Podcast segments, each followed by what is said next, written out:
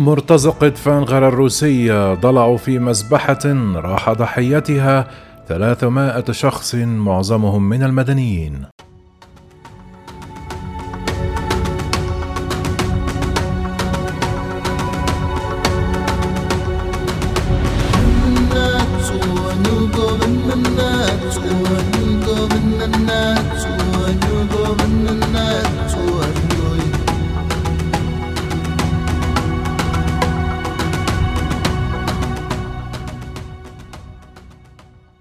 بينما أعلن الجيش المالي الجمعة العثور على مقبرة جماعية قرب قاعدة استعادها الجيش الفرنسي قبل أربعة أيام في غوسي بشمال البلاد. أشارت جميع الأدلة على ضلوع مرتزقة فاغنر الروسية في المذبحة والتي راح ضحيتها حوالي 300 شخص معظمهم من المدنيين.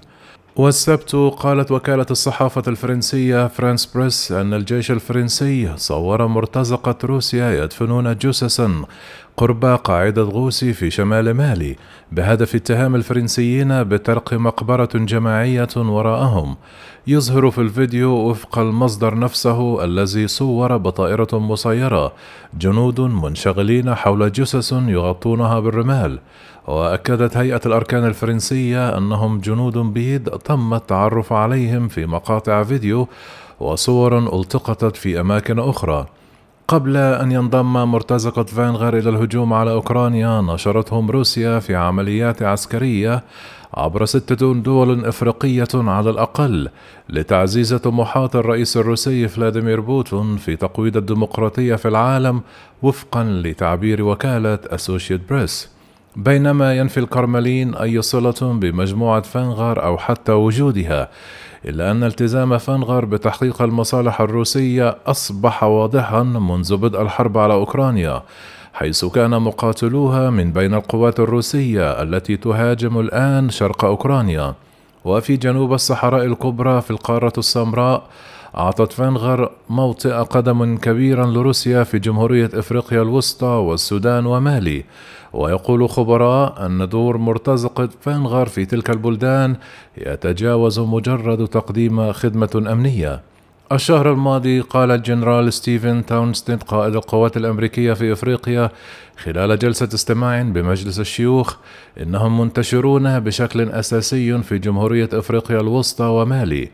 وتحدد الولايات المتحدة ممول فاغنر الرئيسي على أنه يفغيني بريغوجين الأوليغارشي المقرب من الرئيس الروسي والملقب بطباخ بوتين حيث يتردد أن الزعيم الروسي يفضل مطاعم الرجل المنتشرة في روسيا.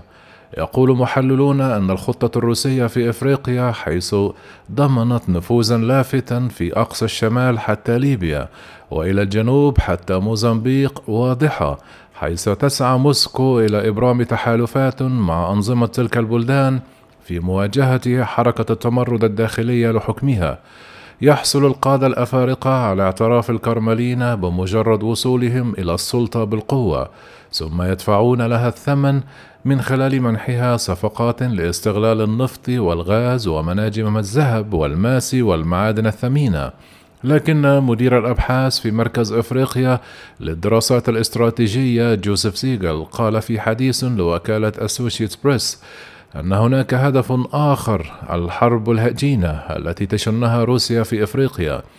وكشف سيغل أن روسيا تخوض في الواقع معركة أيديولوجية مستخدمة مرتزقة فانغار كأداة لتقويض الأفكار الغربية عن الديمقراطية وتحويل الدول نحو موسكو بدلا من أوروبا والولايات المتحدة. قال سيغل مفسرا سعي موسكو مساندات الدكتاتوريات في إفريقيا. إذا تم اعتبار الديمقراطية نموذج حكم نهائي في إفريقيا. فهذا سيكون امرا مقيدا لروسيا. وفي جمهورية إفريقيا الوسطى يتجول مقاتلو فاغنر في أنحاء العاصمة بانغي في مركبات عسكرية لا تحمل أي لوحات ويحرسون مناجم الذهب والماس في البلاد. ويقول متابعون أنهم ساعدوا في صد الجماعات المتمردة المسلحة وإبقاء الرئيس فوستين أرشانغ تواديرا في السلطة لكن نفوذهم يذهب إلى أبعد من ذلك بكثير وفقا لخبراء. بينما يشغل الرئيس الروسي فاليرا زخاروف منصب مستشار الأمن القومي للرئيس تواديرا يعد شخصية رئيسية في الوقت ذاته في هيكل قيادة فانغر وفقا لوثائق الاتحاد الأوروبي التي تتهم مجموعة المرتزقة بارتكابات انتهاكات خطيرة لحقوق الإنسان. وكتكريس واقعي لما كانت فاغنر في إفريقيا الوسطى. نصب تمثال العام الماضي في العاصمة بانغي يصور جنودا روس يقفون جنبا إلى جنب لحماية امرأة وأطفالها حيث ينظر إلى روسيا على أنها منقذ البلاد. كما نظمت مسيرات مؤيدة لروسيا لدعم الحرب في أوكرانيا وانتقاد الشريك الأمني السابق فرنسا على الرغم من أن العديد من المتظاهرين قالوا إنهم يتلقون رواتب لقاء مواقفهم مثل هذا الدعم من الدول الإفريقية هو نجاح استراتيجي لروسيا وفقا لخبراء وعندما صوتت الأمم المتحدة على قرار يدين غزو أوكرانيا امتنعت 17 دولة من أصل 35 عن التصويت كان نصف هذا العدد من إفريقيا. وقال تقرير نشر في مارس الماضي أعده معهد توني بلير للتغيير العالمي وهي مؤسسة غير ربحية. أسسها رئيس الوزراء البريطاني السابق. أصبحت إفريقيا حاسمة بشكل سريع في جهود بوتين لتخفيف نفوذ الولايات المتحدة وتحالفاتها الدولية. تأتي استراتيجية روسيا في إفريقيا بأقل تكلفة اقتصادية وسياسية حيث يقدر محللون أن فانغر تعمل مع بضع مئات إلى ألفان مرتزق فقط بينما قال سيجل أن هذا العدد منهم من المخابرات العسكرية الروسية السابقة ونظرا لكونها قوة خاصة يمكن للكرملين إنكار مسؤوليته عن أفعال فانغر بسهولة.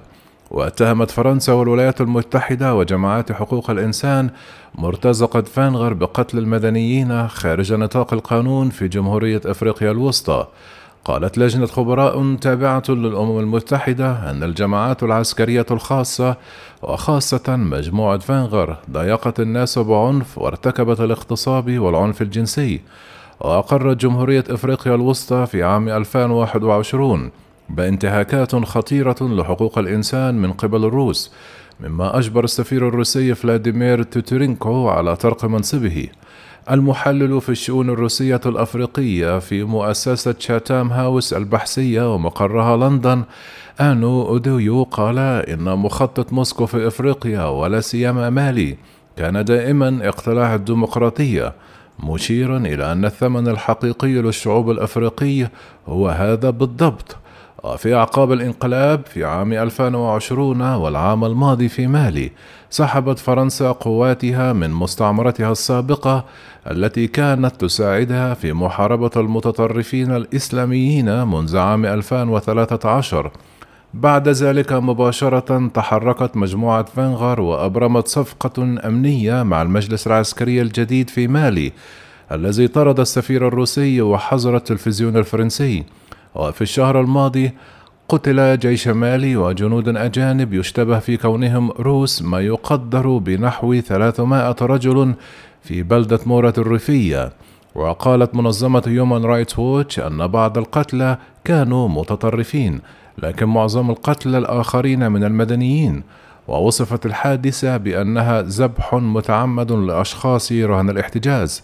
هذا الأسبوع عندما سلمت القوات الفرنسية قاعدة غوسي العسكرية قام عملاء فانغر بدفن العديد من الجثث في مكان قريب من القاعدة الفرنسية بينما ألقت حملة روسية على وسائل التواصل الاجتماعي باللوم على فرنسا واتهمتها بالضلوع في قتل الأبرياء. لكن العديد من المحللين قالوا إن تلك الفظائع تحمل بصمات مرتزقة بانغر الروسية والعلامة الروسية للسياسة الخارجية في عهد فلاديمير بوتون